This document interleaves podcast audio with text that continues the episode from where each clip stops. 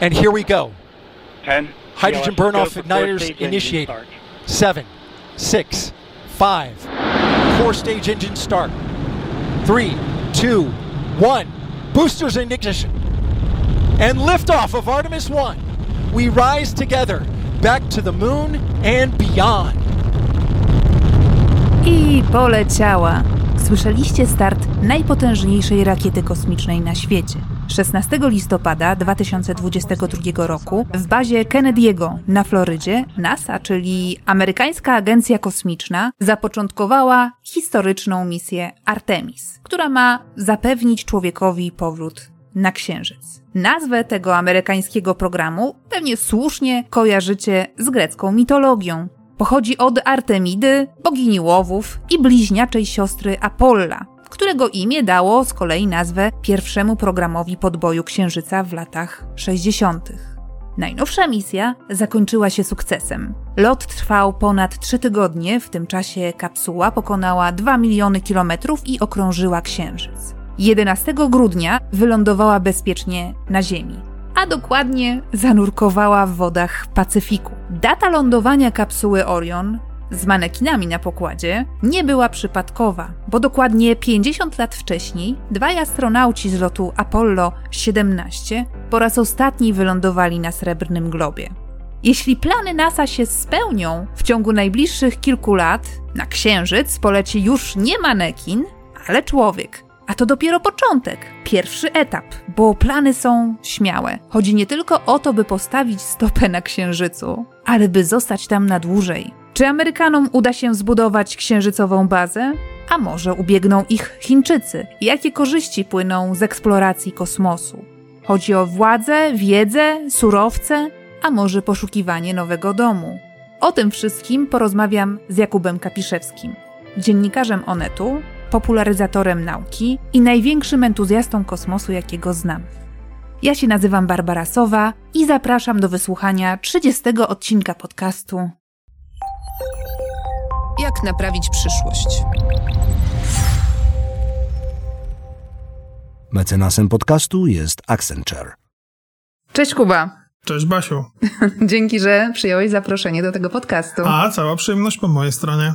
Wiesz, że chciałam zrobić ten odcinek, odcinek o kosmosie, praktycznie od początku funkcjonowania Jak naprawić przyszłość. No bo jeśli mówimy o przyszłości, to właściwie mówienie, myślenie, wyobrażanie sobie eksploracji kosmosu, życia na Marsie, podbojów kosmicznych, rakiet, obcych, to jest wszystko, co rozpala wyobraźnię od wielu, wielu dekad, więc trudno ten temat pominąć, ale prawdę mówiąc, jakoś trudno mi było znaleźć punkt zaczepienia, no i chyba musiałam zobaczyć na żywo start dużej rakiety i nie mam tu na myśli żadnej z rakiet SpaceX, ale właśnie rakietę programu Artemis, żeby zabrać się do tego tematu na poważnie. A poza tym grudzień, końcówka roku i w ogóle ten 2022 rok to był dla astronautyki ważny rok. Dużo się działo. No chociażby mamy polskiego astronautę. Oprócz tych dobrych wiadomości są też złe wiadomości. Pożegnaliśmy Mirosława Hermaszewskiego. Ty miałeś okazję poznać zarówno jednego, jak i drugiego. Jakie na tobie wrażenie zrobili? Poznać to może za dużo powiedziane, przynajmniej jeśli idzie o generała Hermaszewskiego. Z generałem przeciąłem się krótko na konferencji branżowej, przy której otaczał go wianuszek osób bardzo pragnących zrobić sobie z nim zdjęcie. Ja myślę, że generał był doskonale świadomy tego, dlaczego ludzie stoją przy jego stoliku, przeszkadzając mu zjeść bułkę w przerwie kawowej. Natomiast świadomie bądź nieświadomie trochę ignorował te zapędy fanów, którzy chcieli sobie zrobić z nim zdjęcie i na swoim telefonie komórkowym pokazywał zdjęcia swoich wnuczek. Bardzo mi się ta cała sytuacja spodobała, ponieważ jedna taka pani, która tam stała obok niego, powiedziała, jaki śliczny chłopiec, po czym generał ją poprawił, to dziewczynka. Poczucia humoru generałowi Hermaszewskiemu nie brakowało. Ja z kolei pamiętam nagranie jakiejś lokalnej telewizji, kiedy dziennikarz zadał pytanie Mirosławowi Hermaszewskiemu, czy może potwierdzić, że Ziemia jest kulą, bo przecież widział z daleka w kosmosie. A pan Hermaszewski z uśmiechem powiedział, Ziemia jest płaska. I to z taką zupełnie poważną miną, tak. Później to nagranie było wykorzystywane przez osoby, które wierzą, że rzeczywiście Ziemia jest naleśnikiem. Jako dowód. Facet poleciał, wzniósł się nad naleśnika i zobaczył. Ja mam w ogóle też takie wrażenie, że trochę myśmy o generale zapomnieli On chyba wrócił w ostatnich latach. Zwiększyła się nie tyle jego medialna obecność, którą oczywiście mógł sobie sam zarządzać, ile jakieś to medialne zapotrzebowanie na niego. I gdzieś tak się po prostu przyzwyczailiśmy, że Hermaszewski 40 lat temu był w kosmosie, że zapomnieliśmy, jak bardzo niezwykłe to było. Absolutnie. Że jest jedną z 600 osób, które po prostu spędziły w przestrzeni kosmicznej, były w ogóle w przestrzeni kosmicznej. Hermaszewski spędził tam prawie 8 dni, większość na radzieckiej stacji orbitalnej Salut 6, o czym z bardzo dużym wdziękiem napisał w swojej książce Ciężar Nieważkości, którą polecam wszystkim. Ja do niej sięgnąłem kilka dni temu i byłem pod dużym wrażeniem tych wspomnień. I on nam troszkę spowszedniał. To jest przykre, biorąc pod uwagę po prostu jak bardzo niezwykły to był proces, jak w bardzo niezwykłych okolicznościach też Hermaszewski poleciał, bo przecież wcale nie było takie oczywiste, że Sowieci powiedzą, no to dawajcie tam do tych państw satelickich, dawajcie po jednym najlepszym pilocie i będziemy coś razem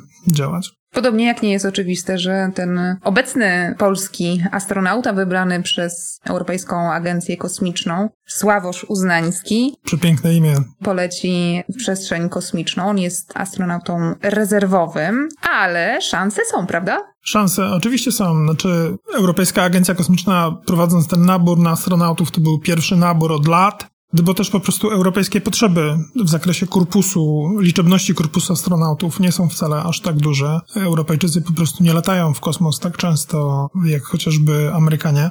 W związku z czym nie ma takiej potrzeby, żeby organizować takie nabory co roku, co dwa lata, co trzy lata. To był pierwszy nabór od lat. Wybrano od razu 17 osób. Sześć jest w takim składzie podstawowym, reszta jest na ławce rezerwowych w razie gdyby zwiększyły się potrzeby w stosunku do tych, które są obecnie planowane na załogowe loty kosmiczne z udziałem Europejczyków, albo gdyby oczywiście ktoś wypadł ze składu podstawowego, no to wtedy wskakują osoby ze składu rezerwowego. Jak Sławosz Uznański w ogóle trafił do Europejskiej Agencji Kosmicznej? Bo chyba taka droga do bycia astronautą wcale nie jest prosta. Ona absolutnie nie jest prosta. Biorąc pod uwagę europejski kontekst, nie jest prosta przede wszystkim dlatego, bo jak już powiedzieliśmy, te nabory nie są organizowane często. Więc nie jest tak, że a, nie udało mi się w 2022, to spróbuję w 2023. To nie jest egzamin językowy. Nabór odbywa się tylko raz na jakiś czas. To jest jedna rzecz. Natomiast to, co pomogło Sławoszowi Uznańskiemu, to z pewnością fakt, że on ma fenomenalne doświadczenie. On e, skończył studia takie łączone w Polsce i we Francji, w związku z czym miał dwa dyplomy. Miał dyplom polski, francuski. Ten francuski dyplom otworzył mu drogę do tego, żeby doktoryzować się, a doktoryzował się w takiej ciekawej ścieżce we współpracy bezpośredniej z przemysłem, czyli pisał na uczelni, ale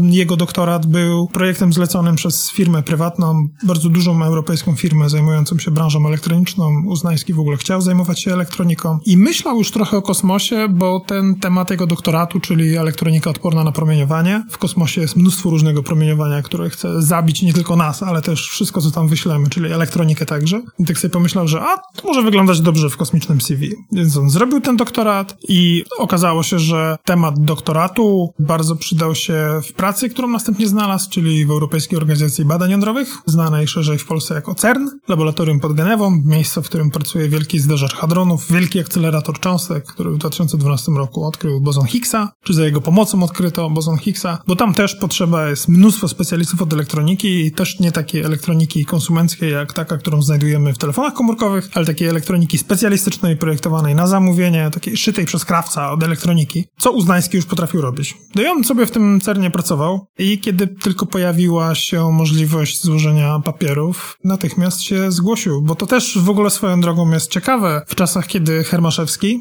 leciał w kosmos, astronautami, tudzież kosmonautami, jak wtedy mówiono, astronautami byli głównie piloci wojskowi. I kiedy Hermaszewski usłyszał, zdaje się chyba pod koniec 75 roku od swoich przełożonych, a nie chciałbyś się czegoś nowego nauczyć? I przyjechał do Warszawy. Nie wiedział po co, wiedział tylko, że przyjeżdża do jednego z wojskowych instytutów, żeby spróbować zrobić coś nowego. Ze zdziwieniem skapnął się, że razem z nim na to coś nowego zostało zaproszonych 71 innych pilotów. Wszystko byli piloci wojskowi. I to samo było w Stanach, to też byli piloci wojskowi, radzieccy astronauci to też byli piloci wojskowi. Natomiast dzisiaj to bardzo często są inżynierowie. To mogą być piloci, i Samantha Cristoforetti, wspaniała astronautka Europejskiej Agencji Kosmicznej z poprzedniego naboru, kobieta, która niedawno wróciła na Ziemię i przez kilka tygodni była dowódcą Międzynarodowej Stacji Kosmicznej. Jest pilotką, latała na maszynach bojowych we włoskich siłach zbrojnych, ale jednocześnie jest, ma też mnóstwo tytułów naukowych, właśnie takich inżynierskich, tak? Jest inżynierem z wykształcenia. Ja rozumiem, że to nie chodzi o to, żeby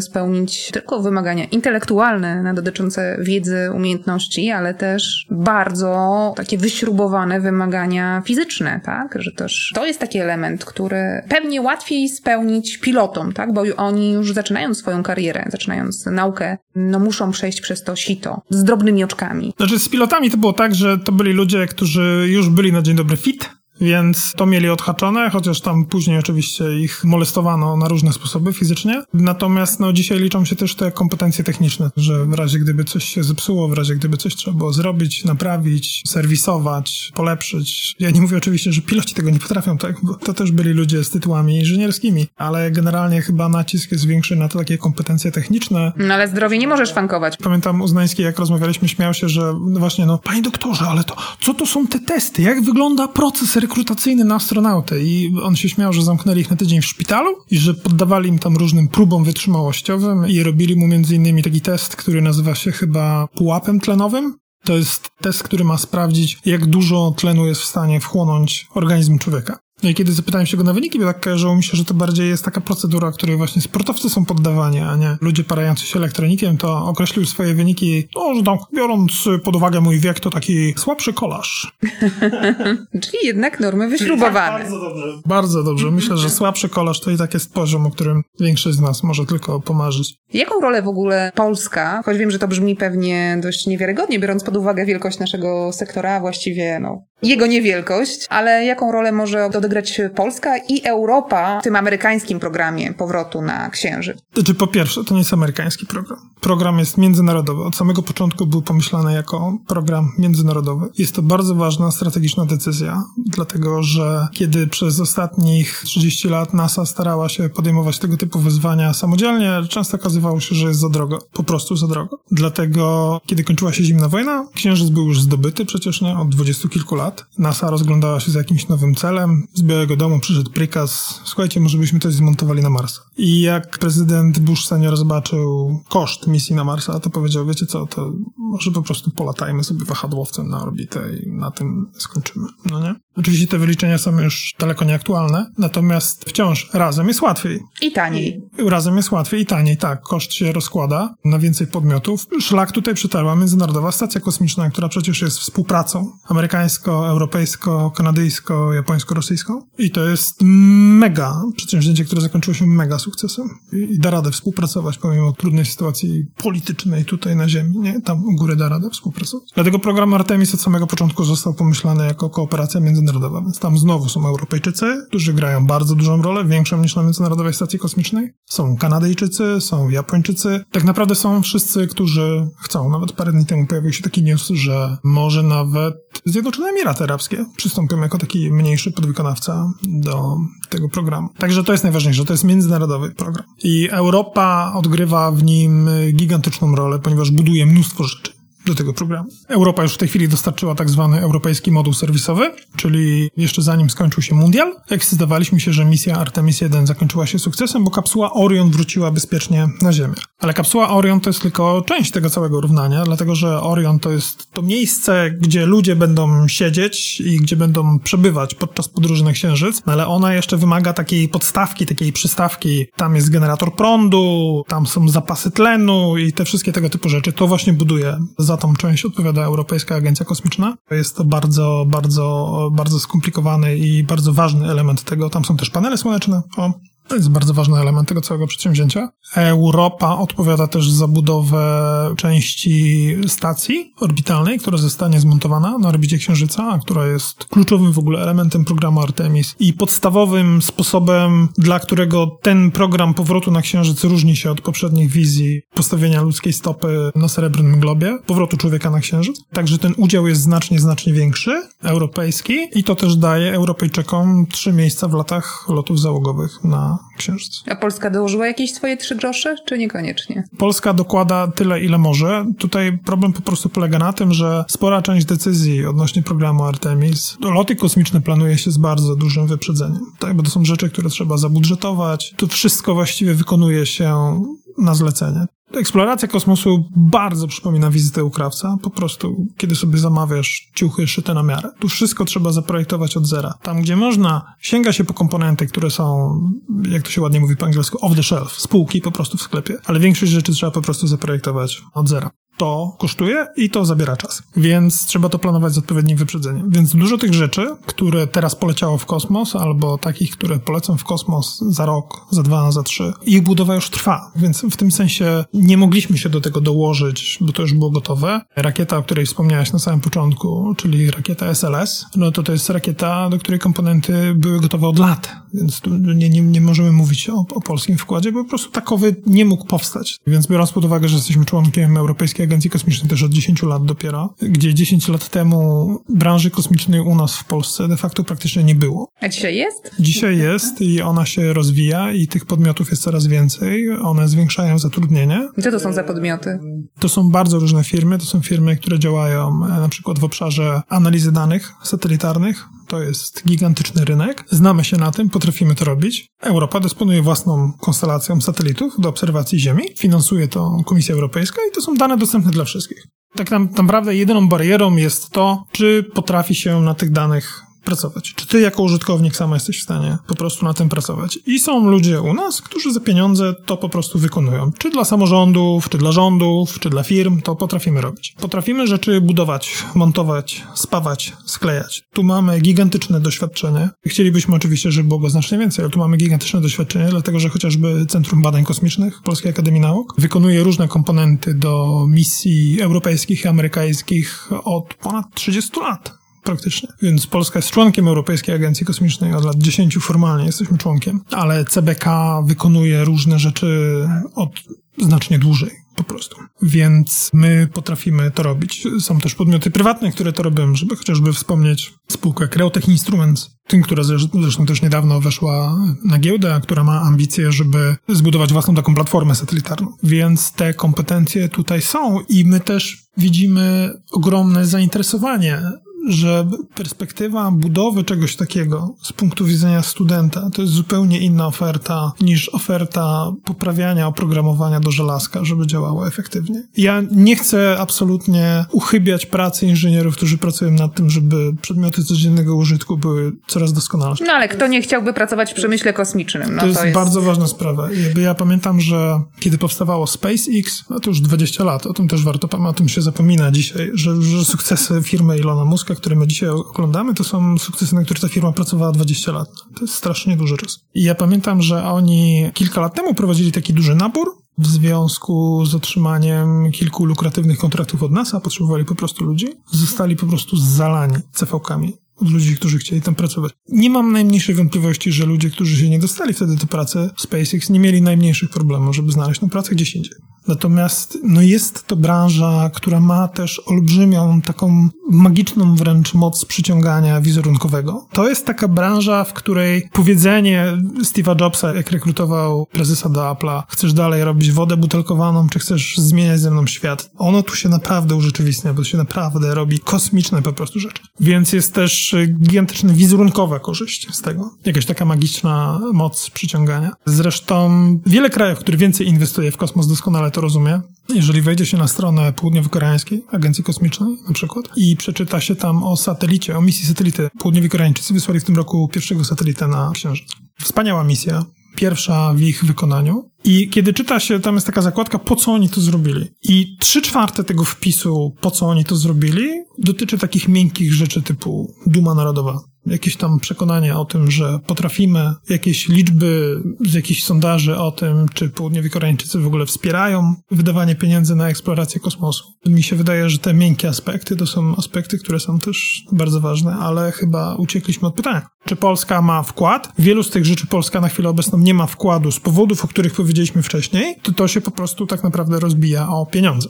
W sensie, ile my jesteśmy w stanie wyłożyć na budowę tych rzeczy. Bo po prostu te rzeczy kosztują. Ale one się zwracają potem wielokrotnie w miejscach pracy, których nie stworzy żadna inna firma. No jasne, i o tych wymiernych korzyściach chciałabym dzisiaj porozmawiać. Nie o dumie narodowej czy tej symbolicznej wartości, ale mnie bardziej chodzi i pewnie wolałabym skupić się na takich realnych korzyściach. I dlatego też celowo pomijam wątek turystyki kosmicznej. Wspomniałeś o SpaceX. Nie, nie, ale żeby nie było wątpliwości, to Musk generalnie co do zasady turystyką kosmiczną się nie zajmuje. On zorganizuje komuś, kto ma bardzo głębokie kieszenie, taką wersję turystyki kosmicznej i nie mówi, że nie, bo dla niego to też do zarobu. Bransonem jest inaczej, bo to jest dla niego na chwilę obecną bardziej podstawowy typ działalności, chociaż on też by chciał po prostu rakietami posyłać rzeczy w kosmos. Natomiast nie deprecjonujmy samej turystyki kosmicznej. Nie deprecjonuję turystyki kosmicznej, chciałam tylko powiedzieć, że jest to taki aspekt, który dla mnie jest pomijalny z uwagi na to, że wydaje mi się, że nawet jeśli, czy to za sprawą Bransona, czy za sprawą SpaceX, który jak powiedziałeś, turystyką kosmiczną być może się stricte nie zajmuje, ale jednak przyczynia się do spadku kosztów kosztów, jeśli chodzi o loty w kosmos, to tak czy inaczej wydaje mi się, że nawet w perspektywie kilkunastu, kilkudziesięciu lat te loty w kosmos nadal będą, turystyka kosmiczna nadal będzie poza zasięgiem zwykłego szarego obywatela. Będzie nadal mega drogim wydatkiem. Dlatego też nie uważam tego za jakąś wielką korzyść. Natomiast, choć bardzo chciałabym pominąć wkład Ilona Muska, Infant Terrible, to jednak SpaceX bardzo przyczynił się do rozwoju tej astronautyki, co zawdzięcza zawdzięczamy Maskowi. Znaczy, jeżeli mówimy w ogóle o eksploracji kosmosu, to jest jedna odpowiedź na pytanie, dlaczego nie robimy więcej? Dlaczego nie ma nas na Księżycu już teraz? I odpowiedzią są po prostu pieniądze. Pieniądze, których większość trzeba wydać na transport. Ponieważ transport kosmiczny jest bardzo, bardzo drogi. Przynajmniej zawsze był. Znaczy dalej jest, no ale zawsze był. Więc podstawowym ograniczeniem, dla którego, nie wiem, na przykład nie mamy jakiejś sondy na orbicie Urana, bardzo ciekawa planeta. Chcielibyśmy się więcej dowiedzieć. Ale planując taką misję, nie planujemy tylko i wyłącznie budowy samej sondy, ale przede wszystkim tej całej podróży. I ta podróż jest mega droga. Więc największym wkładem Ilona Muska i SpaceX w rozwój kosmonautyki jest po prostu próba obniżenia kosztów tego transportu. SpaceX zostało w ogóle zbudowane właśnie w tym celu, żeby latanie w kosmos szeroko rozumiane było możliwie jak najtańsze. Jasne, oczywiście większość być może ludzi kojarzy Ilona Maska jako człowieka, który powiedział, że skolonizuje Marsa i tak dalej. Okej, okay, ale ważne są środki do tego celu. Podstawowym środkiem do tego celu jest uczynienie kosztów transportu kosmicznego znośnymi. Zarówno dla, bardziej znośnymi, może tak, zarówno dla podmiotów publicznych, jak i prywatnych. I temu podporządkowane są wszystkie działania SpaceX. I na tym froncie firma ma olbrzymie sukcesy.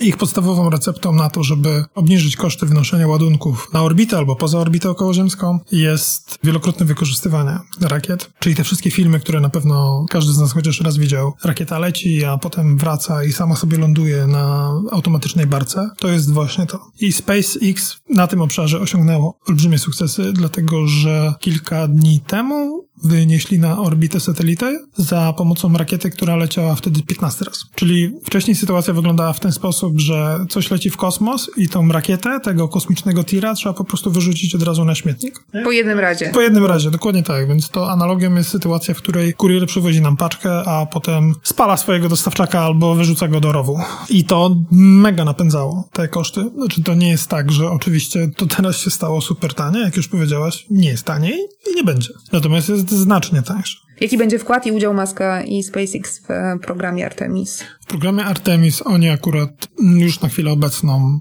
będą odgrywać dużą rolę. To rola potencjalnie może być jeszcze większa. Dlatego, że SpaceX zostało wybrane przez NASA w ubiegłym roku jako firma, która ma zaprojektować coś, co nazywa się HLS. To jest Human Landing System. To jest urządzenie, za pomocą którego astronauci będą zjeżdżać na Księżyc. Czyli podstawowe założenie programu Artemis jest takie, że wysyłamy ludzi na Księżyc, nie na sam Księżyc, tylko na tą stację kosmiczną, która ma być, sobie fruwać tam dookoła Księżyca. No i oni potem będą potrzebowali jakiegoś środka transportu. Zanim o tym opowiemy, to chyba musimy wrócić trochę i opowiedzieć o tych poszczególnych etapach misji Artemis, bo może nie każdy ze słuchaczy wie. Odbył się pierwszy lot, pierwszy etap, tak, Artemis 1, w ramach którego w kosmos poleciały manekiny, czyli jeszcze bez ludzi na pokładzie. I maskotka owcy. I maskotka Baranek Sean, przepraszam, Baranek Sean. Jakie są te kolejne etapy? Czyli Artemis 1, czyli ten, który zaczął się pod koniec listopada, skończył się w grudniu, o którym już wspomnieliśmy na samym początku, że ta kapsuła Orion wróciła. To był tak naprawdę lot próbny. On miał za zadanie sprawdzić, czy wszystkie elementy, cały hardware,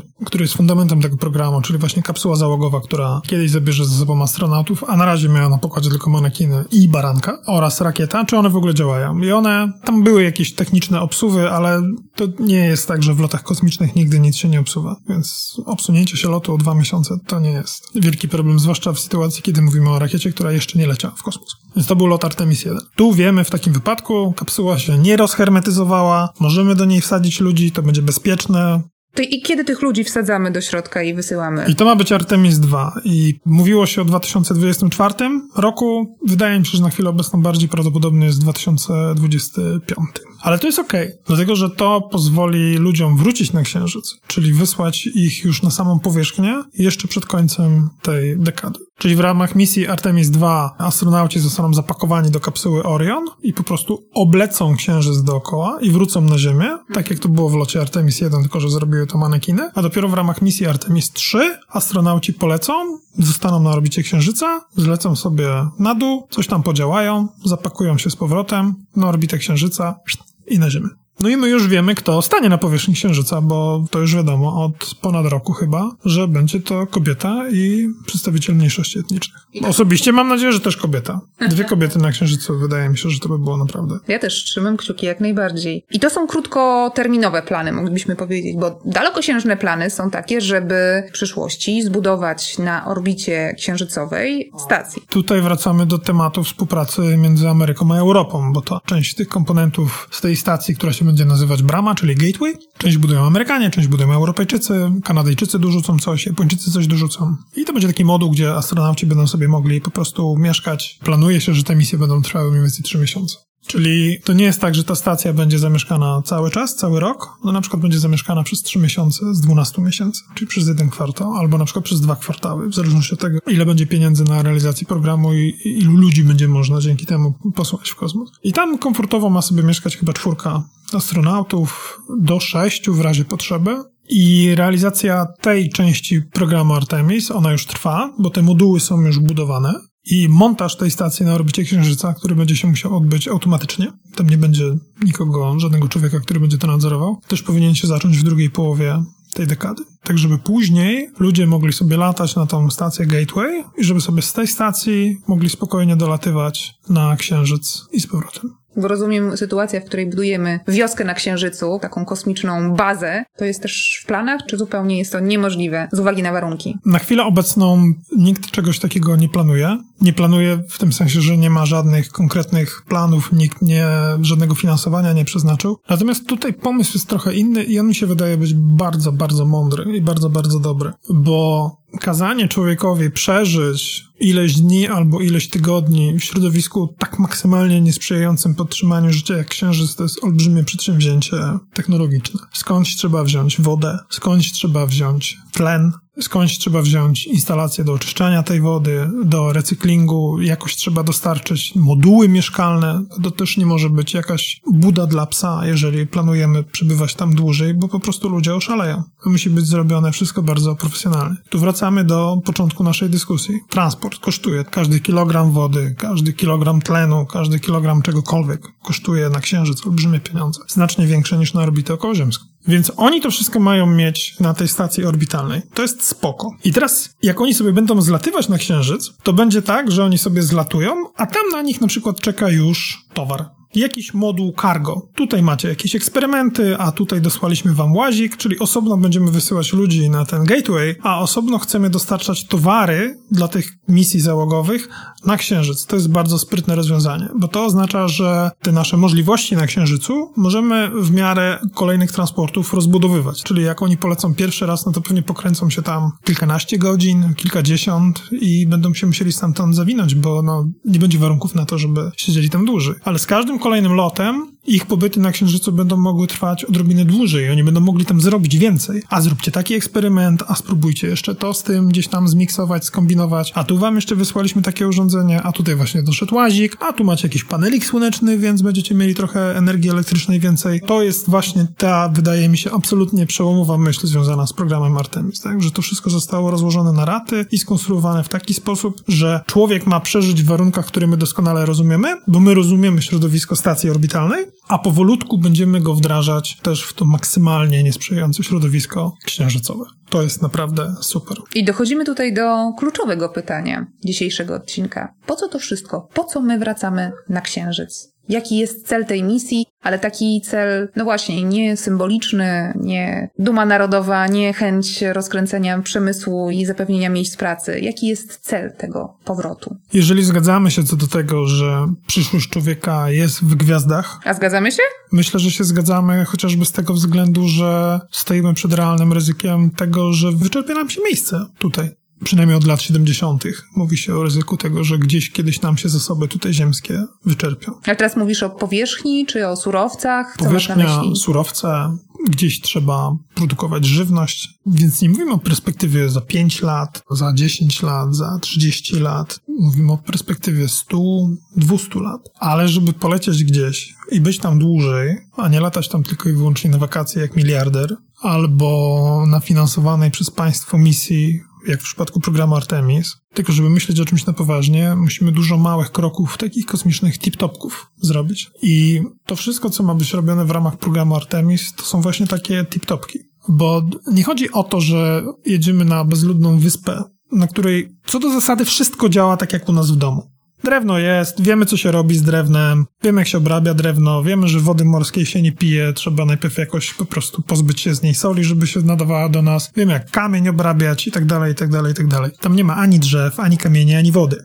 A oprócz tego cały czas nawala w nas słońce. Nie ma atmosfery, która nas ochroni przed promieniowaniem, więc w najlepszym wypadku bardzo szybko umrzemy w wyniku ciężkich chorób, na jakie można zapaść, kiedy się po prostu jest wystawiony na działanie promieniowania kosmicznego bez żadnych ochron. Więc jest to maksymalnie różne środowisko i my musimy nauczyć się nim operować. Więc te wszystkie małe kroki, typu rozmowa, ok, na Księżycu jest jakaś gleba, mówi się na to regolit księżycowy. Na Księżycu jest wierzchnia warstwa, z którą my coś możemy zrobić. Pytanie brzmi co? Misje programu Apollo przywiozły skały, no ale my je badaliśmy głównie pod takim kątem geologicznym. Co to za skała? Ile ma miliardów lat? Skąd ona się wzięła? I tak dalej. No ale jak chcemy coś budować, no to my wiemy jak robić na Ziemi beton, ale jak się robi beton na Księżycu? Tego nikt nie wie.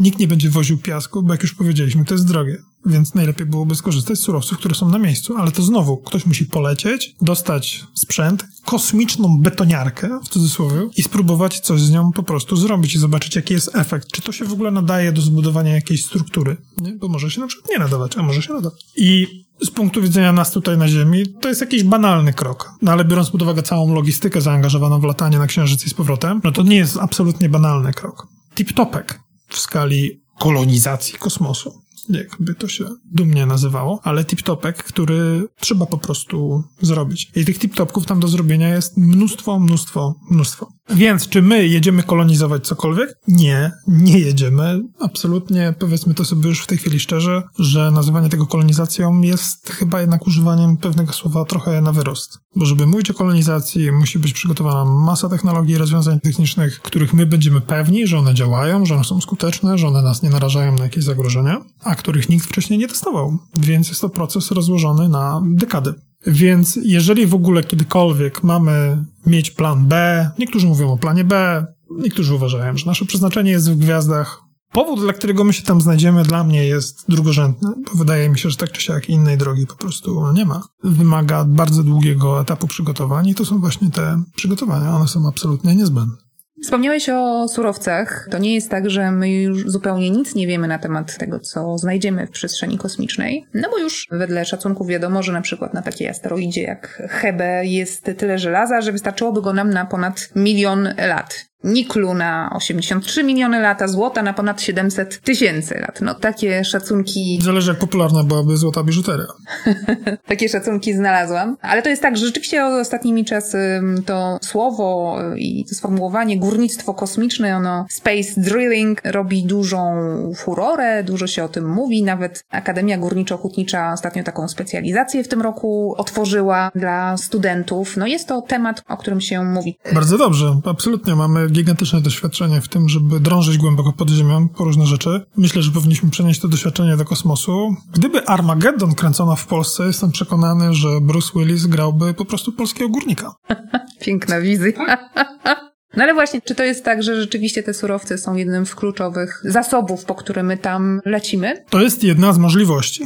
I wróćmy teraz na chwilę do tej misji południowo-koreańskiej, do tego satelity, do sondy, sondy satelity, którego południowi Koreańczycy umieścili na orbicie. On ma na pokładzie sprzęt do diagnozowania tego, co się gdzieś tam może znajdować pod powierzchnią. I Koreańczycy mówią wprost, spróbujmy, popatrzmy, zobrazujmy ten księżyc pod tym kątem, bo tak naprawdę jeszcze nikt tego nie sprawdzał. Na co my tam możemy liczyć pod takim kątem właśnie, że może jest coś, co można by było przyjechać i wykopać i przywieźć z powrotem na Ziemię. Ty wspomniałaś o próbie zmapowania mniej więcej, co znajduje się na asteroidach. No to jest generalnie bardzo trudne, bo najlepiej byłoby właśnie wysłać sondę, a w ogóle najlepiej byłoby wysłać faceta z młotem, który by tam zajrzał. To by było w ogóle idealne. Więc my asteroidy staramy się na wiele różnych sposobów badać z, na odległość, próbując wnioskować na temat tego, czy one mają dużo metali, czy mają mało metali. W przyszłym roku na przykład NASA chce wysłać misję na taką asteroidę, która nazywa się Psyche i bardzo dużo złych informacji w internecie można przeczytać na temat Psyche, że tam jest 700 pierdylionów po prostu dolarów wartości wartości złota, wszystkiego, platyny, czegoś tam i tak dalej. No nie? Tymczasem najnowsze badania pokazują, że psychy ma bardzo niską gęstość. Dużo niższą niż ciało, które składałoby się wyłącznie z metalu.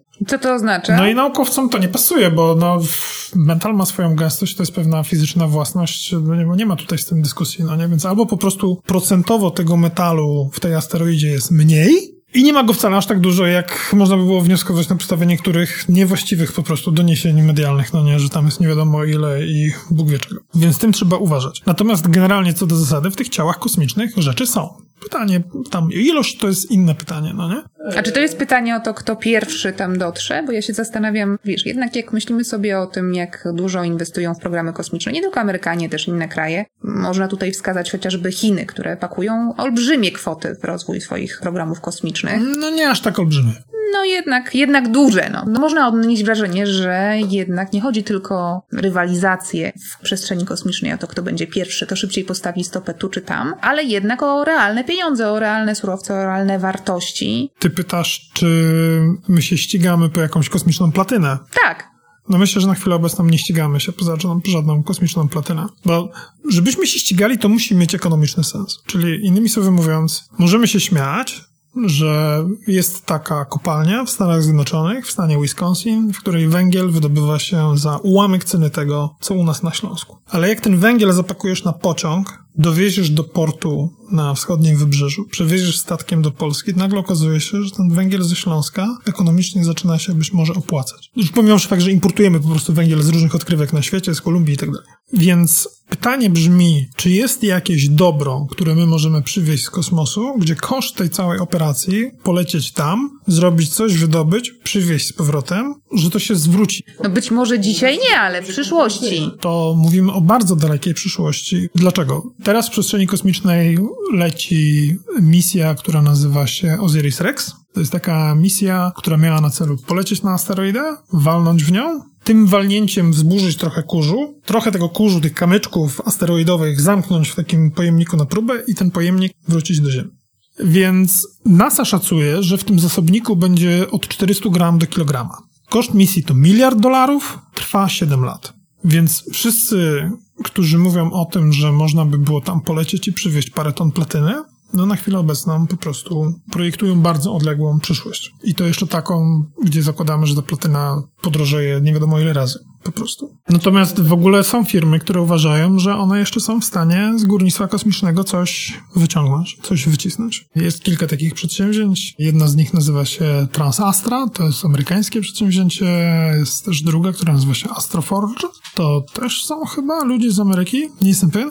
I oni mówią tak, no nie, my wiemy, że generalnie na chwilę obecną wizja górnictwa kosmicznego bardzo trudna i finansowo prawdopodobnie nieopłacalna. I wiemy też, że są firmy, które próbowały to robić i upadły, bo były takie.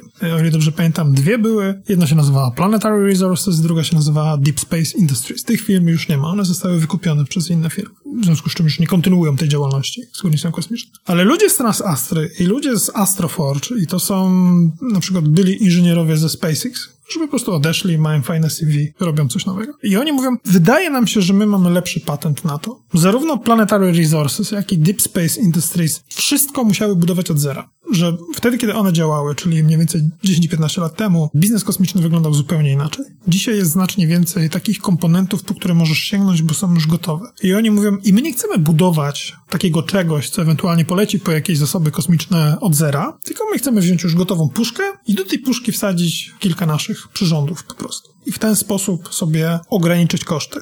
Co więcej, jest SpaceX, które nam wyniesie to za relatywnie mniejsze pieniądze niż gdybyśmy się musieli 15 lat temu prosić na przykład Boeinga, Lockheeda Martina o to, żeby nam coś takiego wynieśli w kosmos. Czyli ci ludzie mówią, że część tego rachunku ekonomicznego zaczyna już działać bardziej na korzyść tego przedsięwzięcia, no nie? Ale wciąż muszą się znaleźć inwestorzy, którzy gdzieś tam wyłożą te kilkadziesiąt, być może kilkaset milionów na to, żeby po prostu taką misję zrealizować. A może taka misja zostanie im zlecona przez któryś z rządów, bo też bardzo często takie firmy żyją z tego, że wykonują takie wstępne studia konceptualne. Zdobywają grant, na przykład od y, Sił Kosmicznych Stanów Zjednoczonych mają taki program. Słuchajcie, sprawdźcie, czy w ogóle by się opłacało w kosmosie zrobić coś tam. Nie budujcie jeszcze nic, tylko po prostu sprawdźcie, nie dajcie nam dużo dokumentacji technicznej, nie? I macie na to półtora miliona dolarów. No, no i tam coś robią. No i na podstawie wyników tego podejmowana jest decyzja. Albo próbujemy coś robić dalej, no albo to absolutnie nie ma sensu. Nie? Tak się w branży kosmicznej robi od bardzo, bardzo dawna. Więc może być tak, że jeśli na przykład z takich studiów wyjdzie, że części tego całego równania, niektóre zmienne tego całego równania, że one już, ich cena, ich koszt spadł wystarczająco na tyle, że dałoby radę taką misję zrobić za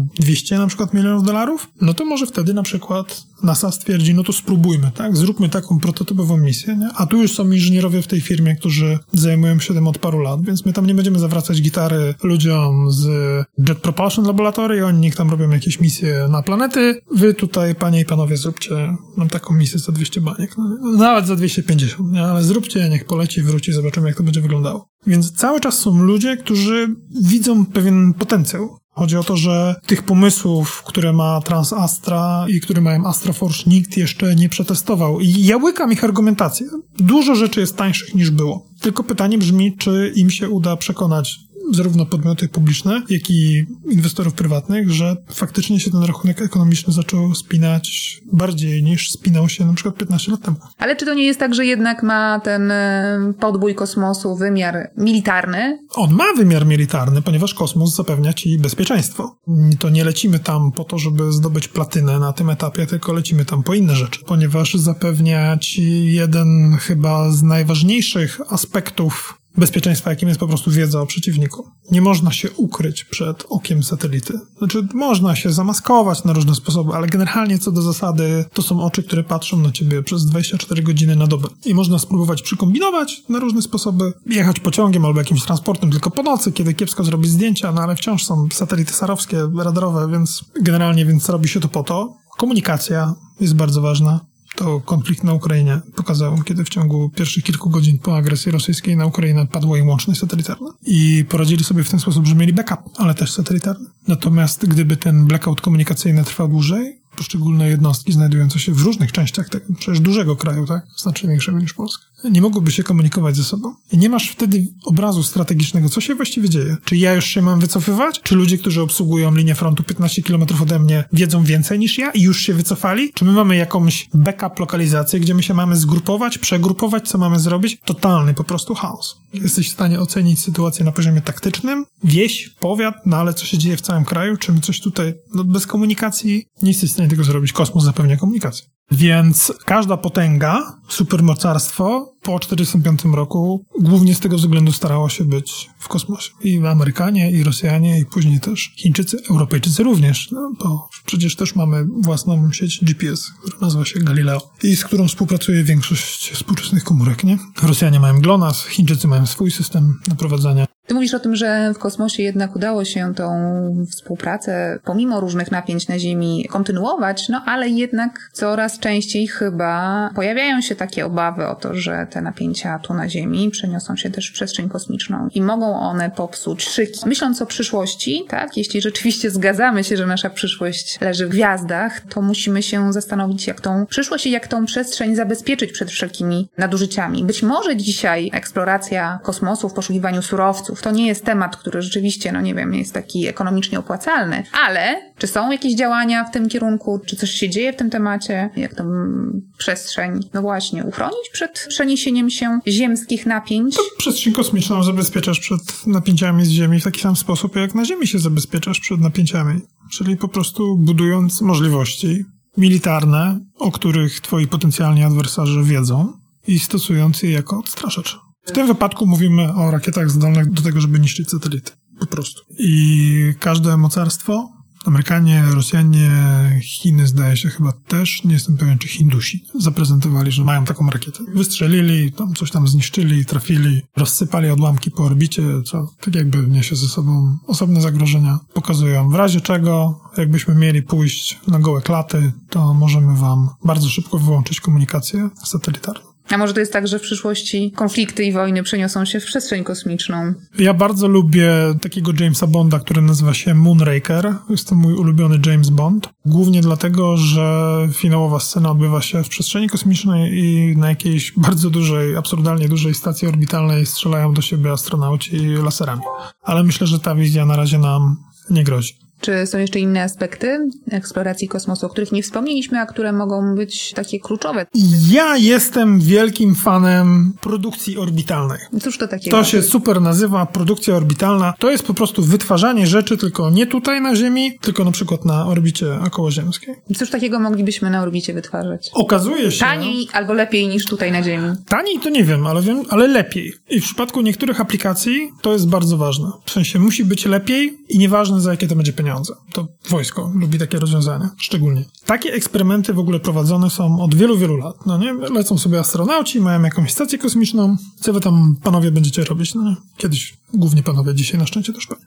Co wy tam, panie i panowie, będziecie robić, no nie? A my wam tutaj dostarczymy statkiem bezzałogowym, towarowym taką drukareczkę 3D. I wy tam zobaczcie, jak ta drukareczka 3D sobie drukuje rzeczy nie, na orbicie. Jak to wygląda? Czy to wygląda lepiej niż na Ziemi? Czy to się w ogóle w jakikolwiek sposób będzie strukturalnie różniło? I okazuje się, że w przypadku wielu procesów faktycznie jakość tego końcowego produktu, który powstał w stanie nieważkości jest lepsza. Tutaj na przykład kryształy są bardzo dobrym przykładem, zwłaszcza takie, które muszą przerastać warstwami. W stanie nieważkości po prostu owocuje to kryształem, który ma znacznie mniej defektów. A kryształy są turboważne, ponieważ są substratami dla wykonywania wielu elementów, między innymi komponentów elektronicznych, bez których nie sposób sobie wyobrazić nowoczesnej elektroniki wysokich mocy, które znajdziemy w myśliwcach, które znajdziemy w wielkim zderzaczu hadronów itd. Tak Co ciekawe, taki eksperyment natury produkcyjnej wykonywał też na stacji Salut 6 Mirosław Hermaszewski. Tak, bo on też no, poleciał sam, no ale nie siedzieli tam przez 5 dni nie grali w szachy, tylko po prostu robili rzeczy, które wymyślili im specjaliści tutaj w Polsce, więc na pewno Hermaszewski robił taki eksperyment medyczny, w którym sprawdzał, jak się ciało w stanie nieważkości zachowuje po tym, jak krew odpłynie z kończyn dolnych, przepraszam, z kończyn górnych, jak odpłynie krew. Im dlał Hermaszewski miał podłączony jakiś elektrokardiogram i potem mu specjaliści z Wojskowego Instytutu Medycyny Lotniczej pokazywali, no zobacz, tutaj na EKG widać, jak pięknie mdlałeś. I na pewno robił też eksperyment, w którym właśnie hodował kryształy. To był eksperyment przygotowany dla niego przez naukowców z Polskiej Akademii Nauk. I o ile dobrze pamiętam, efekt wtedy też był bardzo dobry. Jakość tego kryształu była, no ale to są oczywiście lata 70., w związku z czym być może proces produkcji tego konkretnego kryształu, który tam testował wtedy Hermaszewski, już dzisiaj na Ziemi jest na tyle doskonały, że nie trzeba go wozić tam. Natomiast co do zasady, takie eksperymenty robi się od bardzo, bardzo dawna w przestrzeni kosmicznej i wiele procesów faktycznie zachowuje się tam trochę inaczej niż na Ziemi. I teraz są już firmy, które mówią, słuchajcie, zrobimy tak. My zbudujemy takiego małego satelitkę, w tego satelitkę wsadzimy właśnie taką, powiedzmy, dajmy na to, nie wiem, drukarkę 3D albo właśnie urządzenie do produkcji kryształów. Wyślemy na orbitę, tam kryształ się zrobi i my sobie to z tej orbity po prostu ściągniemy. Jest na przykład w Wielkiej Brytanii taka firma, która nazywa się Spaceforge i oni pracują właśnie nad prototypem takiego małego satelity. Przy czym znowu wracamy do dyskusji na temat górnictwa kosmicznego. Dzisiaj jest to prostsze, bo jest dużo komponentów, które po prostu można pójść, kupić takich komponentów spółki. Spaceforge mówi, że nie będą mieli najmniejszych problemów ze znalezieniem klientów na te ich produkty. I oni podają w ogóle masę argumentów za tym, że wytwarzanie rzeczy na orbicie ma sens. Prezes niedawno w wywiadzie opowiadał coś takiego, że po pierwsze, w kosmosie już jest próżnia. Wiele procesów produkcyjnych wymaga próżni. Na Ziemi ona jest sztuczna. Powietrze trzeba wypompować. To jest czasochłonny, kosztowny, energochłonny proces. W kosmosie wystarczy po prostu otworzyć lufcik i próżnię bardzo wysokiej jakości. Najlepszą na świecie kosmiczną próżnię ma się od razu. Stan nieważkości sprzyja, tak jak powiedzieliśmy, różnym procesom narastania kryształów. W kosmosie też mamy dostęp od razu do bardzo szerokiego spektrum temperatur. W zależności od tego, jak zwrócony w stronę Słońca jest statek, możemy mieć albo bardzo zimno, minus 260, albo możemy mieć bardzo ciepło, plus 260. Na Ziemi te warunki trzeba by było stworzyć sztucznie. One tam już są, więc to też ileś tam rzeczy od razu na dzień dobry ułatwia. Więc ja osobiście ludziom z Astroforge bardzo, bardzo kibicuję. Chociażby dlatego, że jest to firma z Walii, czyli z kraju, który z zaawansowanymi materiałami produkowanymi w kosmosie kojarzy się mniej więcej tak samo jak województwo warmińsko-mazurskie. Bardzo im kibicuję. Własną misję tego typu na przykład na zlecenie Europejskiej Agencji Kosmicznej prowadzi też Airbus. Airbus niebawem ma na Międzynarodową Stację Kosmiczną wysłać drukarkę 3D, ale do, do metali. I to też jest ciekawe zagadnienie. Jak druk 3D metali będzie się zachowywał w przestrzeni kosmicznej? Tak? Czy powstaje produkt, który jest strukturalnie lepszy, bardziej wytrzymały? Na przykład, to trzeba zbadać, to trzeba sprawdzić, nie? Czyli zrobić tam coś, a potem przywieźć to na ziemię i zacząć to bombardować promieniami rentgena, żeby sprawdzić, czy nie ma jakichś defektów strukturalnych. To mi się wydaje naprawdę bardzo ciekawe zagadnienie i takie, o którym się dotychczas niedużo mówiło, chociaż bardzo, bardzo dużo eksperymentów było prowadzonych. No już fakt, że Hermaszewski to robił w 78 roku pokazuje, że próbujemy z tym coś zrobić od bardzo dawna, ale dotychczas jeszcze nikt tego nie robił na skalę komercyjną, więc ja ludziom z Astroforge bardzo kibicuję. W moim podcaście proszę zawsze rozmówców o to, żeby się przenieśli do 2050 roku i spróbowali wyobrazić nasz świat za lat 30. No więc gdybyś miał sobie wyobrazić, na jakim etapie eksploracji kosmosu będziemy za te lat 30? Czy dominować będą Amerykanie, czy też Chińczycy, którzy tam bardzo intensywnie próbują swoich sił? Na co dzisiaj byś postawił? No, jeśli mówimy o Chińczykach, to Chińczycy uważają, że oni do 2050 roku będą największym mocarstwem kosmicznym. To jest oficjalna zapowiedź, tak stwierdził bodajże już chyba dwa lata temu przewodniczący Xi Jinping, że w 2045 roku Chiny będą największym mocarstwem kosmicznym. Będą nim, ponieważ zbudują wtedy statek kosmiczny o napędzie jądrowym. Kibicuję im jest to bardzo optymistyczny timeline, ale kibicuję. Natomiast to nie jest tak, że nie mają osiągnięć. W tym roku e, zmontowali na orbicie własną stację kosmiczną. Zrobili to, ponieważ prawo zabrania amerykańskiej NASA współpracy z Chińczykami przy tego typu projektach i to jest podstawowy powód, dla którego nie ma ich przy Międzynarodowej Stacji Kosmicznej, ani przy żadnym innym amerykańskiej inicjatywie kosmicznej. No a ponieważ Europejczycy współpracują z Amerykanami, no to też siłą rzeczy i tak dalej, i tak dalej, i tak dalej. Więc czy im się do 2050 roku uda zostać największą potęgą kosmiczną? Nie wiem. Na pewno są zdeterminowani i wiedzą, że grają w długą grę. To nie są ludzie, którym się jakoś spieszy szczególnie. Oni swoją pozycję w kosmosie budują konsekwentnie. Pierwszy dowód z brzegu jest taki, że no jeżeli skończyli budować stację kosmiczną w tym roku, mamy 2022, decyzja, że taka stacja ma powstać i że to ma być stacja załogowa, zapadła w 1992 roku. I cały program w ogóle chińskiej eksploracji załogowej był podporządkowany temu co budowy załogowej stacji kosmicznej na robić. Czyli te wszystkie kroki po drodze, tak? Wysłać jednego człowieka, zobaczyć, czy mamy sprzęt, żeby to zrobić. Musi wrócić bezpiecznie na Ziemię, wysyłamy więcej ludzi, wracają, powtarzamy to, wracają, jest ok, jeden moduł na orbicie, wysyłamy tam jednego astronautę, siedzi parę dni, wraca, to wszystko zajmuje czas, tak? Połowę tego sprzętu w międzyczasie spłonie w atmosferze tak? i po 30 latach wreszcie dopiero swego. Więc kto wie, może do 2050 będą największą potęgą kosmiczną. Mam nadzieję, że w 2050 roku będziemy już dysponować jakąś formą stałej obecności człowieka na Księżycu. Nie wokół Księżyca, nie na orbicie księżycowej, tylko jakąś formą stałej obecności człowieka na Księżycu. Czyli księżycowa wioska jednak Nie wiem, czy to będzie wioska. Fajnie by było, gdyby to była wioska, ale tak jak mówię, trzeba mierzyć siły na zamiary. To jednak są rzeczy finansowane z pieniędzy publicznych i nie wydaje mi się, żeby to finansowanie kosmiczne miało jakoś dramatycznie wzrosnąć. W sensie,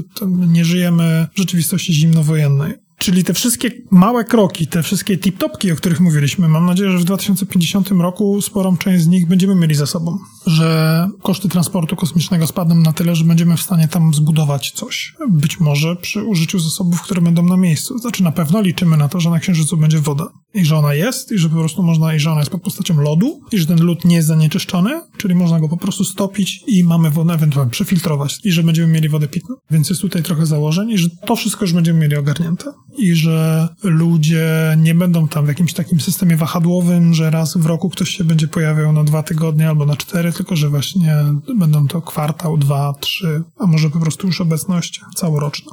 To jest na pewno moje marzenie. To mega chciał, żebyśmy w 2050 roku mieli to ogarnięte. Jeżeli nie będziemy mieli tego ogarniętego, to prawdopodobnie po drodze coś się schrzaniło z pieniędzmi. To też oznacza, że bardzo bym chciał, żebyśmy w 2050 roku mieli już poczynione pierwsze kroki w drodze na Marsa.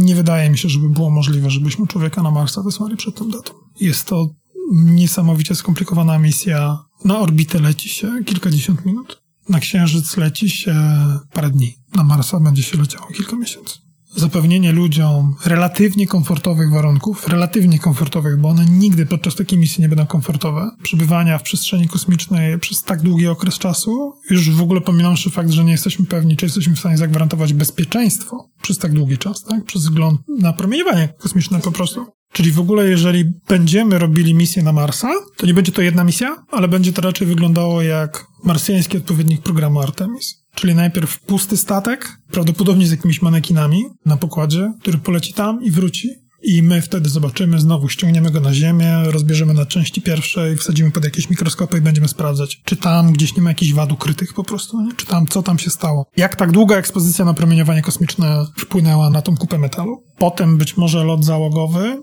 tylko nie wiem, czy z okrążeniem dookoła i powrotem na Ziemię, czy po prostu z lądowaniem, czy to, będą dwa różne etapy, czy to będzie jeden etap, tak? Ale jestem prawie pewien, że będzie bardzo dużo takich misji przygotowawczych po prostu. I wątpię, żebyśmy zrobili to do 2050 roku. I trochę mi szkoda. A wierzysz, że do, do 2050 roku, albo w ogóle, bo chyba nie ma to tutaj się ograniczyć, znajdziemy życie w kosmosie? Wierzysz, że w ogóle istnieje życie w kosmosie? Tak, absolutnie. Jestem przekonany, że jest życie w kosmosie.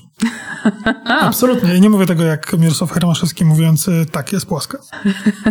Tylko absolutnie jestem przekonany, że jest życie w kosmosie. Pytanie brzmi, jakie to jest życie? Bo wydaje mi się, że Czasami ludzie chyba nie rozgraniczają tego. Znaczy, jak słyszą pytanie o życie w kosmosie, no to jest pytanie, czy są kosmici, którzy po prostu przejadą statkiem kosmicznym, pogadają z nami i tak dalej. Więc ja nie wiem, czy jest takie życie. Wydaje mi się, biorąc pod uwagę, jak wielki wszechświat jest, że jest niezerowe prawdopodobieństwo, że tam gdzieś jest inteligentne życie. Natomiast biorąc pod uwagę odległości, które są zaangażowane, to może być życie, z którego nigdy nie spotkamy. Ono nie spotka nas i my nie spotkamy go. Natomiast odnośnie pytania, czy w ogóle są jakiekolwiek formy życia, takie bardziej przypominające nasze bakterie albo jakieś inne prymitywne organizmy, myślę, że co do tego nie ma absolutnie żadnych wątpliwości. Kosmos jest gigantyczny. Miejsc, w których życie mogłoby powstać, jest mnóstwo. Od 30 lat odkrywamy planety poza naszym układem słonecznym. Warto przypomnieć, że pierwszą z nich we współpracy ze swoim kanadyjskim e, kolegą odkrył Aleksander Wolszczyn. Pierwsza potwierdzona planeta poza układem słonecznym i jednocześnie smutna historia, bo była to planeta okrążająca pulsar. Natomiast nagrodę Nobla za odkrycie pierwszej pozasłonecznej planety przyznano za odkrycie planety krążącej wokół normalnej gwiazdy. Więc Aleksander Wolszczan tyle. Tyle mu brakowało do Nobla w tej dziedzinie. Odkryliśmy ich już prawie 6 tysięcy i są na maksa różne, są tak niesamowicie różnorodne, że ludzie są absolutnie zadziwieni, co tam w ogóle natura powiesiła dookoła tych gwiazd. I podejrzewamy, że na jakiejś części z nich jest woda. Nie dalej jak kilka dni temu naukowcy na podstawie różnych tam pomiarów astronomicznych doszli do wniosku, że udało im się potwierdzić istnienie czegoś, co nazwali wodnym światem. czyli planety, z której większość składa się z wody. Nie wody być może rozumianej tak jak my ją tu rozumiemy, że jest plaża, ocean, drzewa i tak dalej. Jest to woda prawdopodobnie pod postacią bardzo gorącej pary, ale niemniej jednak woda. Gdzieś może pod tymi chmurami tej gorącej pary jest po prostu zwykła woda. A skoro jest woda, to może jest również Takie jest nasze podejrzenie, że, że woda, obecność wody znacząco zwiększa prawdopodobieństwo, że pojawi się życie. To, co nas najbardziej kręci i to, co nas najbardziej podnieca, jest to, że wody jest dużo w naszym układzie słonecznym i potencjalnie są miejsca u nas, może nie pod nosem, ale niedaleko nas, gdzie po prostu życie mogłoby istnieć jeszcze w naszym Układzie Słonecznym. Są to księżyce lodowe tak zwane, dwóch największych planet Układu Słonecznego, Jowisz i Saturn. W przyszłym roku Europejska Agencja Kosmiczna wypuszcza sondę JUICE, która właśnie ma badać te księżyce i ma je badać najdokładniej w historii, co pomoże nam znowu ten suwak prawdopodobieństwa przesunąć trochę w lewo albo w prawo. To by było dopiero odkrycie. To naprawdę byłoby niesamowite odkrycie. Także jeśli jest jeszcze jakaś rzecz, którą chciałbym w 2050 roku, to chciałbym, żebyśmy te księżyce mieli już ogarnięte. I żebyśmy więcej wiedzieli, może jakiś lądownik, to by było bardzo dobre, bo patrzeć na coś z orbity to nie jest to samo, co wziąć próbkę i zbadać ją już na miejscu. Stąd tak ważne są wszystkie misje z, przywożeniem próbek z powrotem na Ziemię. Chciałbym, żebyśmy w końcu wysłali jakąś sondę na Uran i Neptun. Jedną na jeden i jedną na drugi. Taką, żeby je tam powiesić i niech one tam sobie latają, fruwają i niech nam przysyłają informacje, co to w ogóle są za dziwaczne i ciekawe planety. Bo na razie dotychczas tylko przelatywały sondy typu tam Voyager jeden obok nich i robiły zdjęcia z oddali. Zdjęcia są piękne, no ale wciąż wiemy o tych planetach za mało. Więc co do zasady, nie mam absolutnie wątpliwości, znaczy nie mam wątpliwości. Jestem głęboko przekonany, że we wszechświecie życie istnieje. Po prostu jest zbyt dużym miejscem żeby to życie gdzieś nie powstało, tylko prawdopodobnie w jakiejś innej i dziwnej i niezrozumiałej dla nas formie. Natomiast pytanie brzmi, czy to jest życie inteligentne? Tu odpowiedź jest nieco trudniejsza. Biorąc pod uwagę wielkość kosmosu, jest, wydaje mi się, prawdopodobne, że takie życie jest, ale znowu biorąc pod uwagę wielkość kosmosu, możemy się z tym życiem nigdy nie spotkać. To jest dopiero coś, co mnie smuci. Lista życzeń jest długa, ale możemy ją dołączyć do listy życzeń noworocznych. Myślę, że to jest dobre podsumowanie, dobre zakończenie naszej rozmowy. Bardzo, bardzo, bardzo dziękuję. Wszystkim słuchaczom życzymy kosmicznego roku. Jak naprawić przyszłość?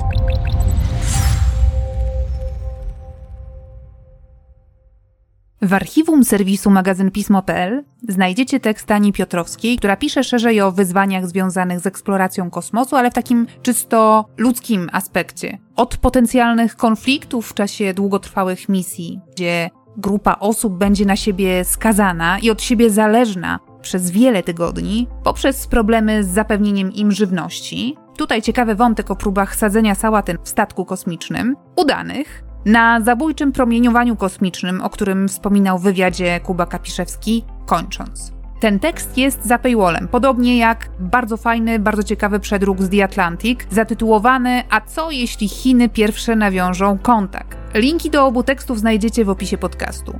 A dla tych z Was, którzy nie mają ani dostępu online, ani prenumeraty, mam specjalny kod dla słuchaczy, jak naprawić przyszłość, na zniżkową, autoodnawialną subskrypcję. Na stronie magazynpismo.pl, łamane na prenumerata, wpiszcie kod JNP od nazwy podcastu i cieszcie się przez pierwsze 5 miesięcy dostępem do najnowszych numerów i do całego archiwum za połowę ceny. To był 30 odcinek podcastu Jak naprawić przyszłość? Ja się nazywam Barbara Sowa i już dziś zapraszam Was do wysłuchania kolejnego odcinka w styczniu. Życzę Wam, żeby nadchodzący rok przyniósł więcej światła i nadziei niż mijający, naznaczony wojną i dramatem naszych sąsiadów 2022 rok. Trzymajcie się ciepło.